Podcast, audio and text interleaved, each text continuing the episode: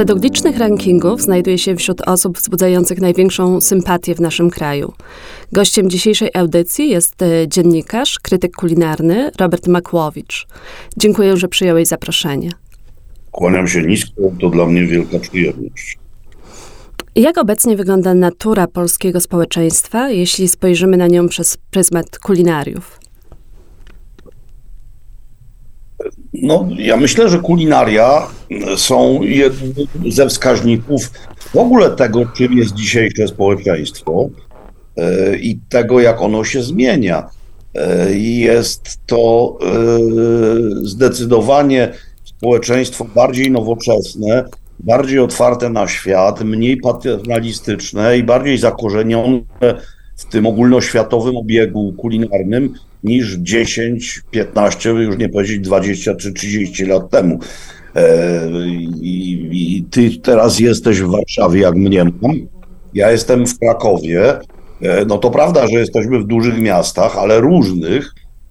I gdybyśmy wyszli z miejsca, w którym przebywamy, to pewnie zajęłoby nam nie więcej niż 15 minut, żeby znaleźć miejsca wokół siebie, które podają jedzenie wietnamskie, japońskie, arabskie e, i tak dalej, i tak dalej. Polska jest, e, przynajmniej w obrębie tych dużych miast, jest włączona do tego wszechświatowego kulinarnego obiegu.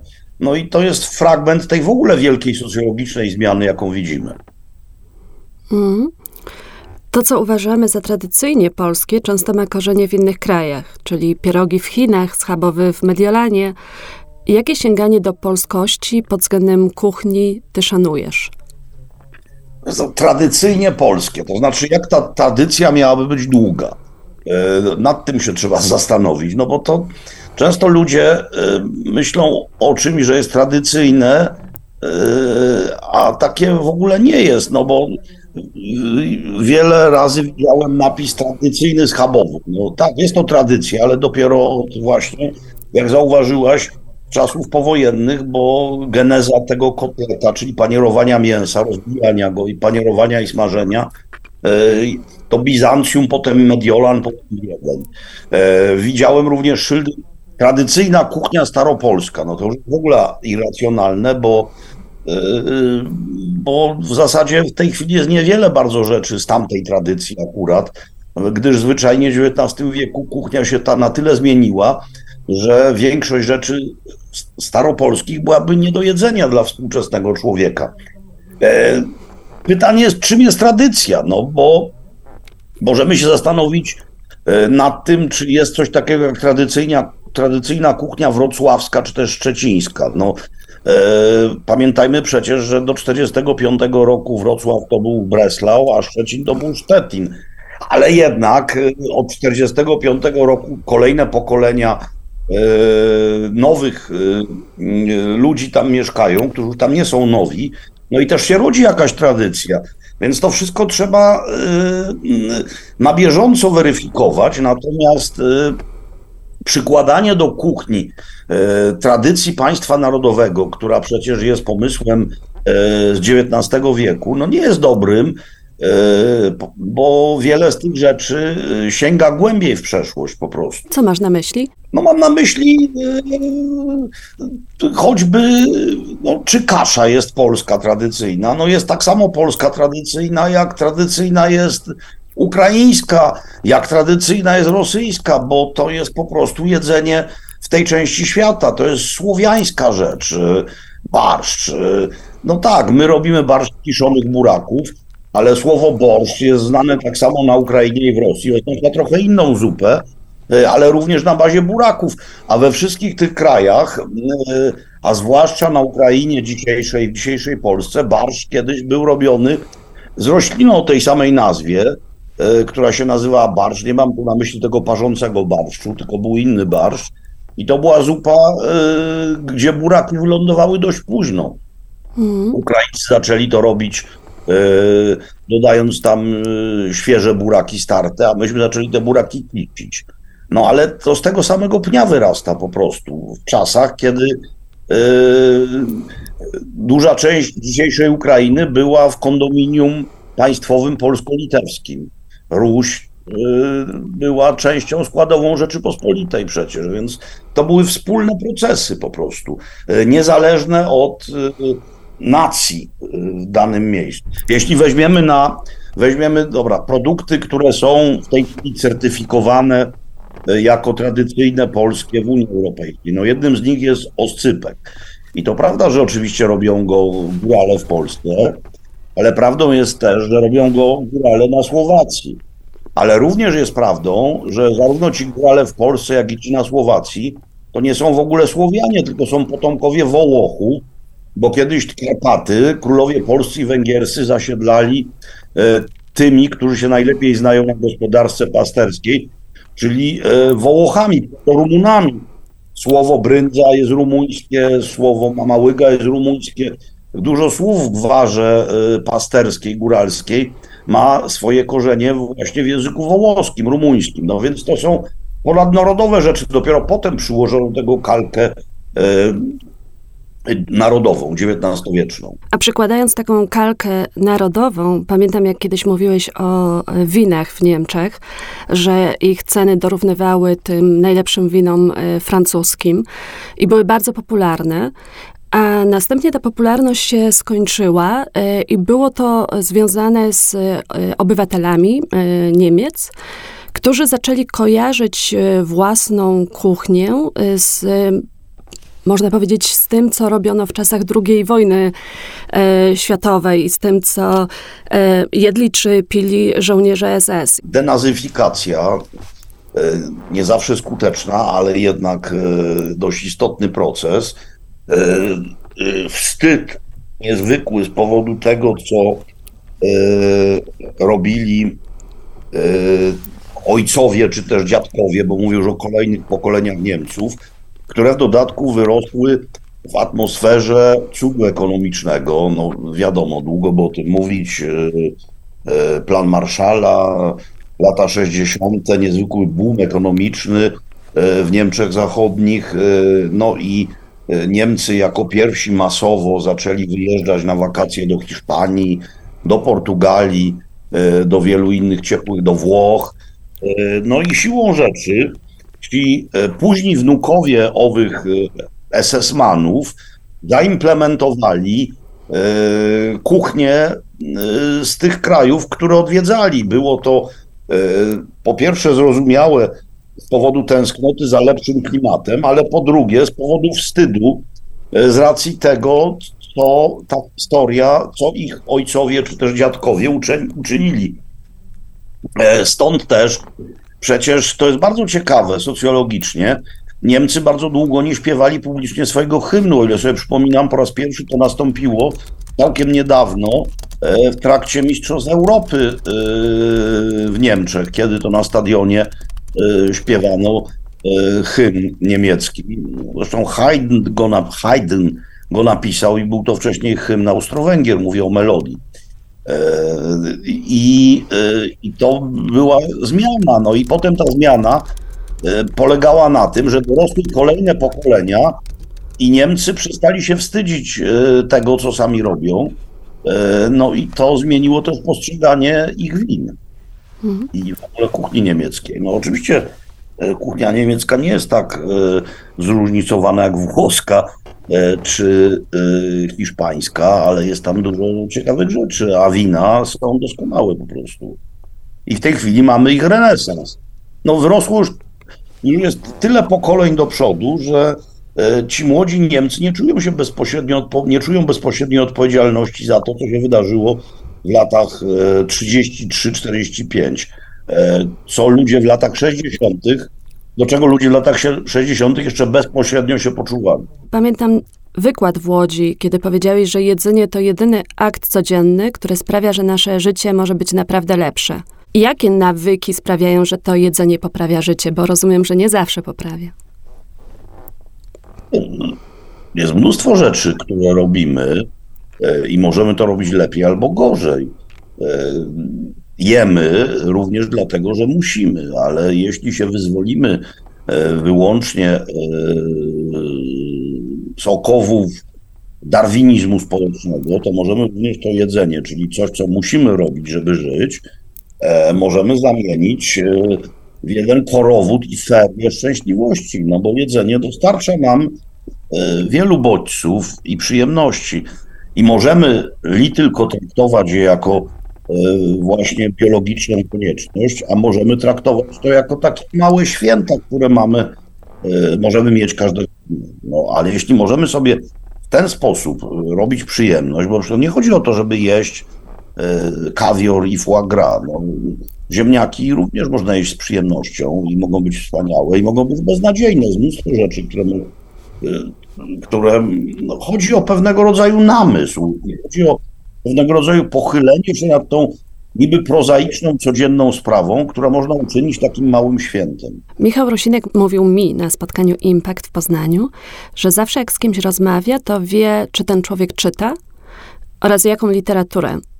Czy ty podczas rozmowy masz przypuszczenia, jakie twój rozmówca preferuje dania?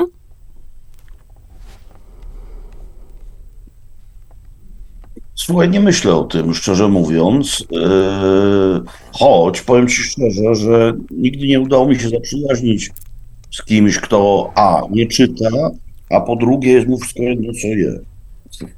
Są tacy ludzie przecież, yy, którzy, yy, którzy na przykład są całkowicie pozbawieni poczucia humoru, a są inteligentni.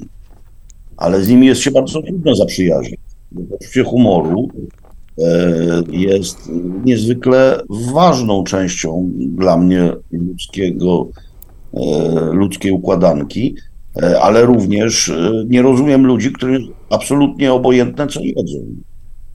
Nawet jest mi ciężej z takimi bohaterami historycznymi się zaprzyjaźnić, którzy e, kompletnie nie, nie, zwracali uwagi na to, co im dają do jedzenia. No jest takich paru przecież. No.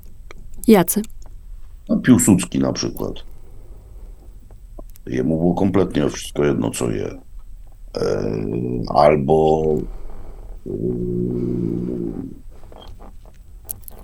no to no było takich kilku. No, czasami ludziom władza zastępuje jedzenie. Władza zastępuje jedzenie. No tak, zaspokaja ich w ten sposób, że nie muszą, łechcą się tym, łechcą się tym, yy, że nie muszą sobie sprawiać przyjemności w inny sposób. A jedzenie jest, dostar- jest ważnym dostarczycielem przyjemności. Ciekawa jestem, chyba nigdy nie czytałam wywiadu, co je yy, prezes Jarosław Kaczyński na przykład. Ja wiem, co je mniej więcej. Co? No, przynoszą mu tam z baru, je sam podobno. Hmm. I co no, mu przynoszą z tego baru? Nie pierogi schabowego. Jest tam, ma tam jakiś ulubiony bar w pobliżu Nowogrodzkiej, skąd przywożą jedzenie. Nawet ten bar, można to sprawdzić w Warszawie. Nie wiem, czy teraz dalej tak jest, ale nawet ten bar się reklamuje tym, że tam oczywiście tam Pan prezes tam samodzielnie nie przychodzi i nie je, tylko mu przywożą. Ten bar się nawet tym reklamuje. To jak poszukasz, y, to to jest tajemnica Poliszynela. A, a zdaje się w ogóle nie jest tajemnica, nawet tylko wręcz przeciwnie, jest to użyte, czy było użyte jako dźwignia marketingowa. Mhm. Jakiś czas temu przynajmniej. A czy w stosunku do niego miałeś takie poczucie, że ta władza właśnie go odciąga od przyjemności? No ale jakie on ma przyjemności? Znaczy ja nie chciałbym robić wisekcji jego życia, ale z tego co my wiemy, e, no to zdaje się ma kota i, i mieszka sam, a poza tym zajmuje się rząd, zdobywaniem władzy albo jej utrzymywaniem. No władzą. Jakiś czas temu bardzo mocno e, zareagowałeś, gdy TVP wykorzystało Twoje słowa, które, którymi chciałeś promować swój własny program, do promocji całej stacji, całej telewizji polskiej. Jak ty się czułeś teraz, kiedy wygrała opozycja i czy ty w ogóle wierzysz, że politycy mogą się odczepić od telewizji?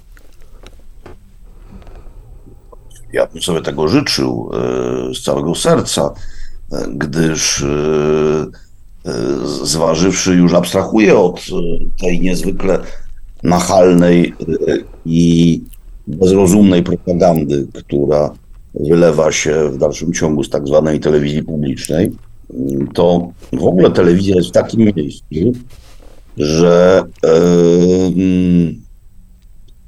że powinna być jak najbardziej, przynajmniej ta, pod którą się mają podpisać wszyscy obywatele, powinna, powinna pełnić funkcje, których nie pełnią siłą rzeczy stacje komercyjne, których, które działają dlatego, że są biznesem, dzięki któremu zarabia się pieniądze. Natomiast jest mnóstwo rzeczy, y, które być może nie mają takiego szerokiego spektrum odbiorców, y, ale jednak w ogóle zniknęły z telewizji. Mówię o szeroko pojętej kulturze. Nie chodzi tu o kanał tematyczny, y, kultur, kulturowy, o niszowym zasięgu, ale mówię w ogóle o rzeczach, które no i powinna pokazywać mało ojczyzny również. No, ludzi interesuje to, co się dzieje wokół e, i powinna być telewizją wolną od polityki. Nie w sensie, żeby nie było tam przekazów politycznych, ale że nie była tubą propagandową jakiejkolwiek opcji. Czy ja w to wierzę? No, e, są miejsca na świecie, gdzie to się udało zdecydowanie bardziej niż u nas. Oglądam telewizję w Chorwacji, dlatego że tam parę miesięcy w roku przebywam. E, I też to jest dla mnie e, bardzo ważne z powodu nauki języka, e, gdyż tam nie ma dubbingu, są napisy. Więc jeśli widzę film nie wiem, po angielsku i mam napisy po chorwacku, to łatwiej się uczę, chcę porównać, a są to polskie filmy i napisy po chorwacku. No ale w ogóle, jak do mnie mówią, nawet bezpośrednio po chorwacku, to też uczy. E, I tam jest e, trzeci kanał e, telewizji chorwackiej, jest poświęcony, i to jest kanał, który ja łapię w swojej małej wiosce ze zwykłej anteny takiej pokojowej, który jest poświęcony kulturze i tam jest mowa o teatrze, tam jest mowa o operze, tam jest mowa o koncertach i tak dalej, i tak dalej. Jak jestem w Austrii, to bardzo często oglądam też trzeci kanał ERV, czyli Esterachische Rundfunk, e, który jest e, również kulturowy i tam w weekendy są na przykład transmisje z oper. Ja tam widziałem, nie wiem, rzeczy, e, których bym nigdy, nigdzie indziej nie zobaczył, a Wiedeń jest operowo ważnym miastem. U nas czegoś takiego nie ma. No to zostało wyrzucone do TVP Kultura, który przecież też nie jest wolny od jednak politycznego magla, w sensie doboru tematów, które tam są. Jak byłem mały, zawsze oglądałem pana Roberta i jego podróże w niedzielę przed południem z miską mleka, z kluskami na śniadanie. Teraz jestem duży i oglądam pana Roberta w piątkowe wieczory po pracy z deską serów i wędlin na stole i drinkiem w ręku. Kawał życia z nim spędziłem. To jeden z komentarzy pod twoim programem na YouTube, a inne są w podobnym tonie, takiej nostalgii, inspiracji. Pamiętam, jak byliśmy razem na obiedzie w Łodzi i w 15 minut przed lokalem podeszło do ciebie może 8-9 osób, prosząc o zdjęcia. Których momentach ta rozpoznawalność dodaje energii, a w których y, ją odbiera? Czy w ogóle są takie? Nie odbiera, bo przecież y, wiem o tym, że popularność jest pewnego rodzaju ceną, no, która jest choćby wyzbyciem się anonimowości, ale to nie znaczy, że nie jeżdżę tramwajem. Dzisiaj jechałem na przykład. I cóż, no, no, no zdarza się tak, że podejdzie do mnie parę osób z prośbą o zdjęcie. Niezwykle mnie to cieszy, że są to z reguły osoby młode, choć nie tylko. To znaczy, że e, to, co robię w necie, ma sens. To jest bardzo przyjemna konstatacja. Owszem, jak wszystko w nadmiarze, to może być męczące, no ale już powiedziałem, jest to jakby wliczone w cenę. Czyli to jest cena, tak? No cena, cena może być przyjemna albo nieprzyjemna, no cena popularności. A, no rozumiem, no, tak może się, być tak cena, cena mi się kojarzy y, negatywnie, a rzeczywiście to może być y, tak, to nie, też pozytywnie. Cena, dlatego że trzeba za coś zapłacić, no ale y, w życiu tak jest, że za większość rzeczy się płaci i nie ma w tym nic złego. To znaczy do tych zdjęć, do tej rozpoznawalności bardzo wielu teraz młodych osób dąży. To jest bardzo dla mnie ciekawe socjologicznie. Na liście tych e, zawodów, które są najbardziej prestiżowe, zaszły ogromne zmiany w ogóle na tej liście. E, po raz pierwszy, bo tak naprawdę od 20 lat zawsze jest ten sam zawód, czyli strażak. Natomiast y, nastąpiło przetasowanie, bardzo spadł na przykład y, policjant, a z kolei najmniej prestiżowym zawodem w Polsce stał się influencer. Wyprzedził, do tej pory zawsze był polityk. I z kolei młodzi ludzie... Najmniej czy najbardziej? Najmniej prestiżowym. Jest najmniej influencer. Prestiżowym. Tak. Za najmniej e, prestiżowego do tej pory zawsze był uważany polityk, czyli najmniej, czyli ludzie po prostu odpycha tak. ich polityk, a, a teraz wyprzedził go inny zawód, to jest influencer, czyli te badania są przeprowadzane w każdej grupie wiekowej. A z kolei wśród młodych osób większość aspiruje właśnie do zawodu influencera. Bardzo mnie to cie, ciekawi taka mm, taka rozbieżność tych, tych badań w pewnym sensie. I oni właśnie mówią, że dlatego, że chcą tej rozpoznawalności, chcą, chcą żeby ludzie prosili ich o wspólne zdjęcia. To jest też takie bardzo silne pragnienie sławy współcześnie. I, I jakoś taka byłam ciekawa, jak ty do tego podchodzisz, bo no nie ukrywam, że bardzo mi się podobało i, i wtedy w Łodzi na y, marszu y, y, antyrządowym, jak z takim ogromnym spokojem do każdego się uśmiechałeś, ale jednocześnie nie było w tym jakiegoś takiego, nie wiem, cieszenia się sławą. Takie, było to takie na, na spokojnie właśnie. Być może gdyby to trafiło na człowieka mentalnie nieprzygotowanego, to być może mogłoby y, zmienić w sposób niekorzystny moją psychikę, ale na szczęście tak nie jest. E, czym jest sława? Jest ulotną rzeczą. E, natomiast, że ludzie młodzi tego pragną, no tak, bo nie zdają sobie z tego sprawy, z czym to się wiąże. Wydaje mi się, że to są same pozytywy, a nie są choćby fakt, że nie można być anonimowym, e, co bardzo często jest niezwykle pozytywne. No, nie można się źle zachowywać publicznie, chyba że ktoś chce być e, sławny z tego powodu, że się źle zachowuje, ale tu tutaj e, w, influencer, w influencerskość wchodzimy w pato-influencerskość, a ludzie, ludziom, ludzie często myślą, że influencer to jest coś, mm, no, że to jest tylko ktoś, kto jest sławny, dlatego że jest sławny, niekoniecznie ta sława wynika z rzeczy pozytywnych. No jest, jest oczywiście całe multum napęczki jest e, takowych, e, no ale cóż, no to nie sądzę, żeby chęć bycia sławnym była czymś, była jakąś nową rzeczą dla ludzkości. Wydaje mi się, że to jest jedno z pragnień, które mamy od zarania w sobie, no tylko zmieniły się narzędzia do tego. No właśnie internet, teraz dużo łatwiej osiągnąć chwilową sławę, która najczęściej bardzo szybko przemija. No i pytanie jest, z jakiego powodu się było sławnym? Wystarczy sobie odpowiedzieć na te pytania e, w sposób racjonalny, by e, zrozumieć, że są inne rzeczy w życiu ważniejsze niż bycie sławnym. A ty chciałbyś się źle zachowywać publicznie? Wiesz co, no ale to, e, ja czasami bym się chciał nie zastanawiać nad tym, czy przechodzę przez jezdnię w miejscu dozwolonym. Oczywiście, że są tacy ludzie, którym się wydaje, że więcej mogą, bo są sławni, ale ja jestem na szczęście na tyle człowiekiem dojrzałym, że wiem dokładnie, że jest wręcz odwrotnie. No. Że nie wypada się wpychać do kolejki, jeśli takowe są, nawet jeśli ci ludzie proponują. Y, no i robić różne rzeczy, które są być może mało naganne, ale jednak są naganne. No. Według badań Polacy chcieliby spędzić czas właśnie z tobą. A ty z jakimi ludźmi pragniesz spędzać czas? Ja mam dość wąskie grono e, przyjaciół. E, nie mówię o znajomych, tylko o przyjaciołach.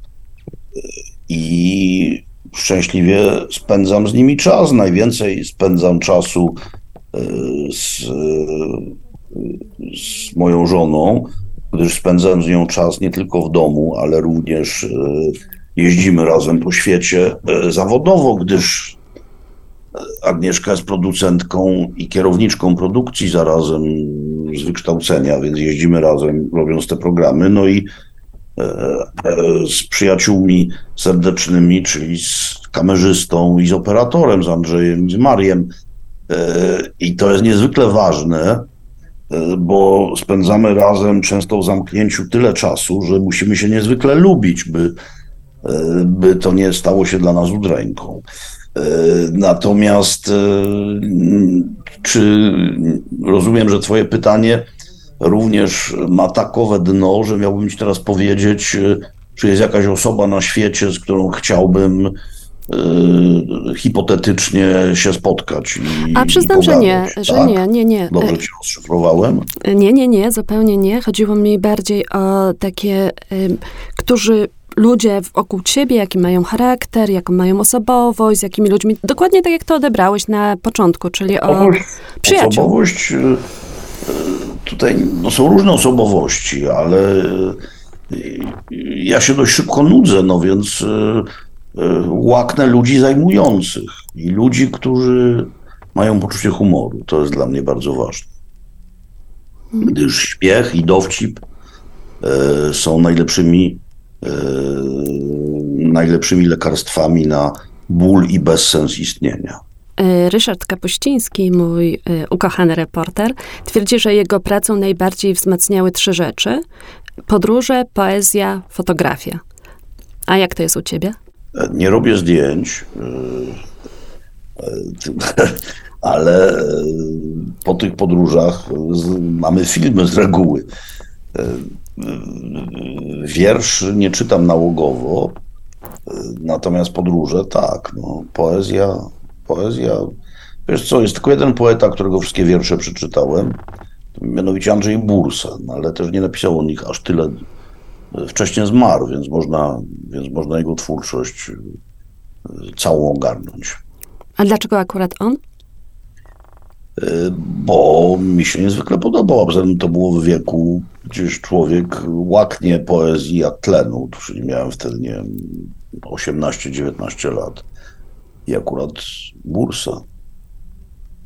W tym wieku człowiek łaknie poezji jak tlenu, a, a w, wieku, tak. a w no, niektórym to zostaje do końca życia. Mnie nie zostało, nie czytam na co dzień. Znaczy, mam w domu różne poezje i czasami czytam, ale nie robię tego codziennie, ani nawet nie co tydzień.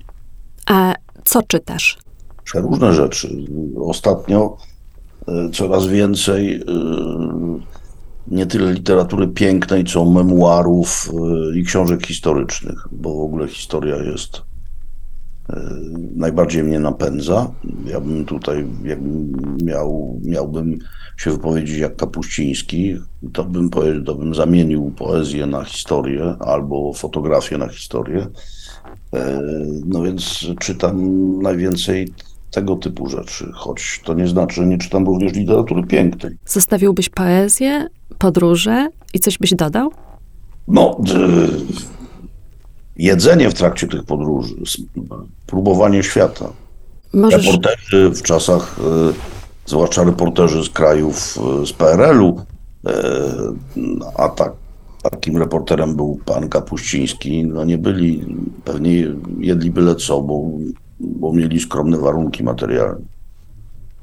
Jeździli do strefy dolarowej.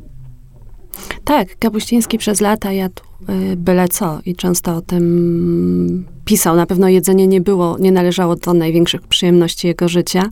Może dlatego no. poezję. A już inni reporterzy y, nie, no na przykład y, Kapuściński miał wielu wychowanków. We Włoszech jest bardzo wielka recepcja jego twórczości. Tiziano Terzani na przykład już jadł dobrze. I Oriana Falacci też jadła dobrze. Orian, Oriana też. Tak. Hmm, bo Włosi też, no tam ogromnie cenią kuchnię. Ja myślę, że tam też troszeczkę może bardziej uważają, że osoby właśnie takie literaci, yy, pisarze yy, bardzo doceniają kuchnię, a ty podkreślasz, że większość naszego społeczeństwa to społeczeństwo chłopskie. Tak. I... Ale to nie ja podkreślam, tylko tak jest. Tak jest, a ty to jeszcze podkreślasz, bo niektórzy tego nie Tak, podkreślają. No bo jest wielki dysonans pomiędzy tym, skąd się wywodzimy w większości, a tym, jak wygląda nasza edukacja. Przyjęliśmy wzorzec e, sarmacko-romantyczny e, i udajemy, że jesteśmy, że wszyscy, chodzi, że wszyscy chodziliśmy w pasach słudzkich kiedyś z karabelami u boków, a przy tak nie jest. No. Czy pod względem kulinariów też udajemy?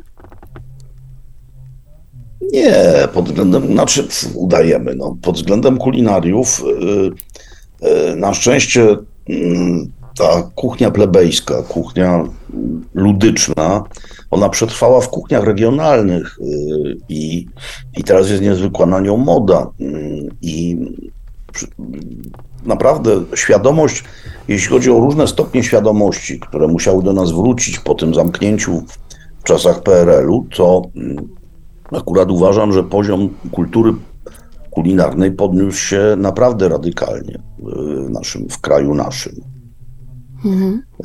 I mamy już y, nowe pokolenia ludzi, dla których y, pewne rzeczy, które dla nas były no, magią zupełną i mówię o tych pokoleniach starszych, do którego się zaliczam, a dla nich to już jest absolutnie normalne, no nie wiem, coś.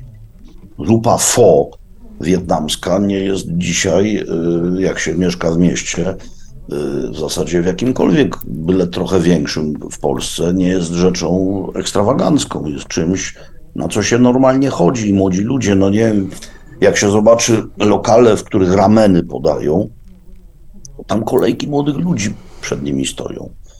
Y, Oni wiedzą, co to jest. Spytajmy się pokolenia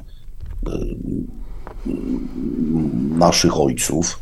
Znaczy ja cię przepraszam, nie, nie zaliczam cię, wiem, że jesteś dużo młodsza, nie zaliczam cię do tego samego pokolenia co ja, ale mówię Może w cudzysłowie naszych ojców. E, Dla nich to brzmi jak jakaś e, nazwa japońskiej firmy samochodowej. Tak myślisz? nie kojarzy. Tak myślisz, że dla naszy, pokolenia naszych rodziców to brzmi jak Ramen, no jak się nie dowiedzieli y, w ciągu ostatnich paru lat, co to jest, to w ogóle nie, nie jarzą tego, no bo skąd to mają wiedzieć? No, że ramen to jest pa, ostatnich parę lat w Polsce. Sushi jest dużo wcześniej, jest 20. Ale, ale wszyscy już wiedzą, co to jest. No. Mówię o sushi, o ramenie jeszcze nie, ale pokazuje to zmianę stopnia świadomości. No, świat się trochę zglobalizował, e, a my jesteśmy e, częścią tego procesu. Jakbyś miał teraz powiedzieć, jak wygląda taka dusza narodu pod względem kulinariów, to jakbyś to mógł podsumować? Nie wiem, nie znam takich badań.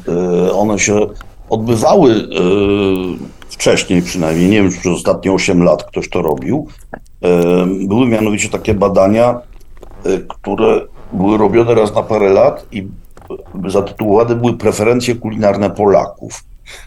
E, Znam je sprzed 10 lat albo więcej, więc nie mam pojęcia, czy ktoś to robi. To jest zresztą ciekawe, jakbyś była w stanie to sprawdzić, to, to by było niezwykle ciekawe. No ale tam no, były rosoły pomidorowe i tak dalej, no, wymieniane na pierwszym miejscu i schabowe. To się pewnie tak bardzo nie zmieniło, y, ale jednak, y, y, no akurat widziałem badania y, dość ciekawe, y, a mianowicie w trakcie COVID-u kiedy to w dużych miastach no, były zamknięte restauracje i zamawiano tylko rzeczy do domu. Wiem na przykład, co było najpopularniejsze w Warszawie przy zamawianiu rzeczy do domu. Jakie danie? No zgadnij. Kuchnia japońska albo włoska?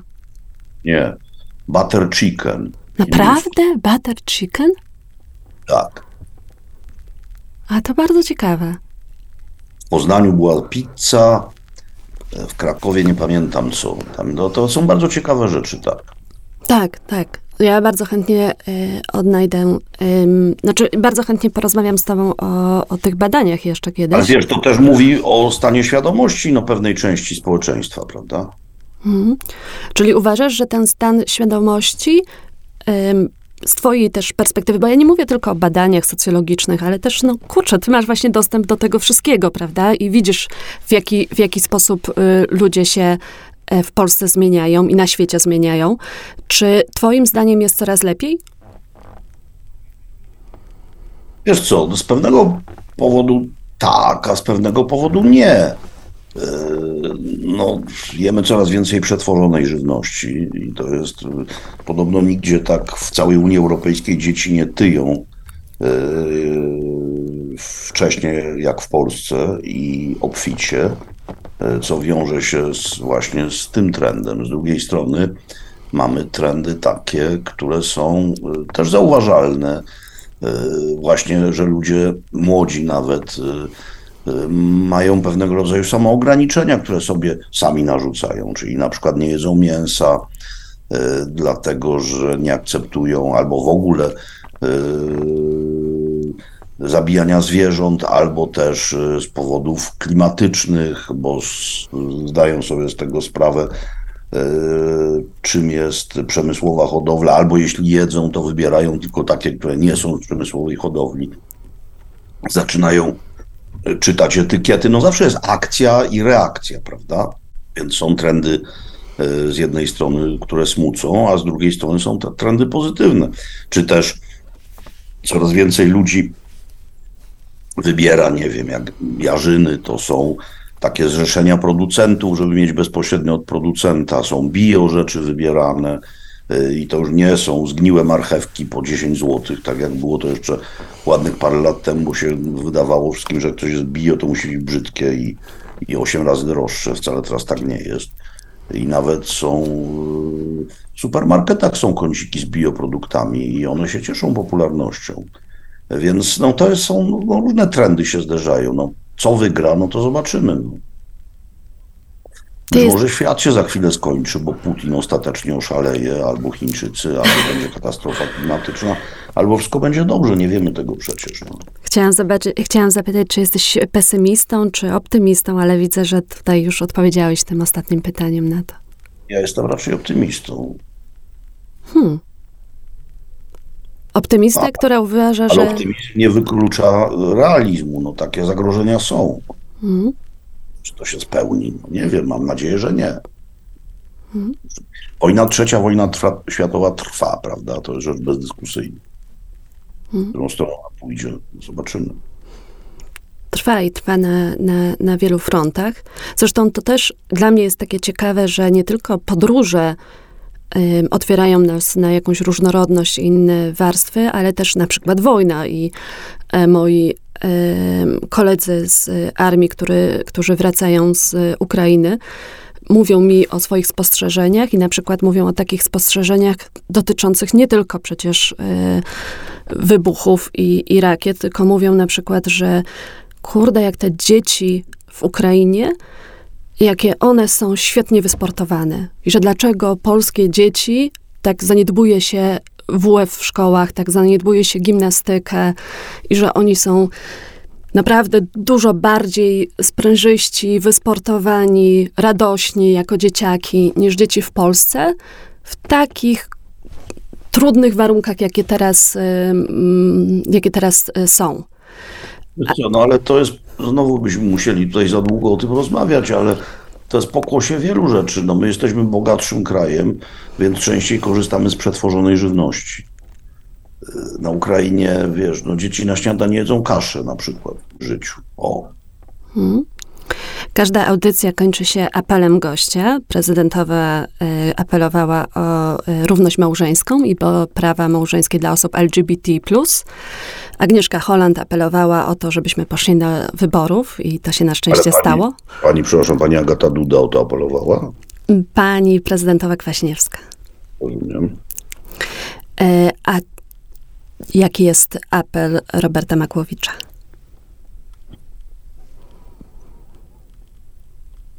Bądźmy dla siebie mili i pamiętajmy o tym, że nie ma kultury lepszej i gorszej. E, kultury są od siebie inne, kultury się od siebie różnią i właśnie dlatego życie jest ciekawe, że żyjemy w różnorodnym świecie i ta różnorodność nas tylko wzbogaca. Więc yy, yy, chylmy czoła przed innymi kulturami, nie dlatego, że jakaś nam się wydaje lepsza i nie Y, lekceważmy innych kultur tylko dlatego, że jakaś nam się wydaje gorsza. One są po prostu różne i y, piękno świata polega na różnorodności. Doceniajmy różnorodność. Doceniajmy różnorodność. Pięknie Ci dziękuję za Twój czas. Ja dziękuję. Kłaniam się nisko.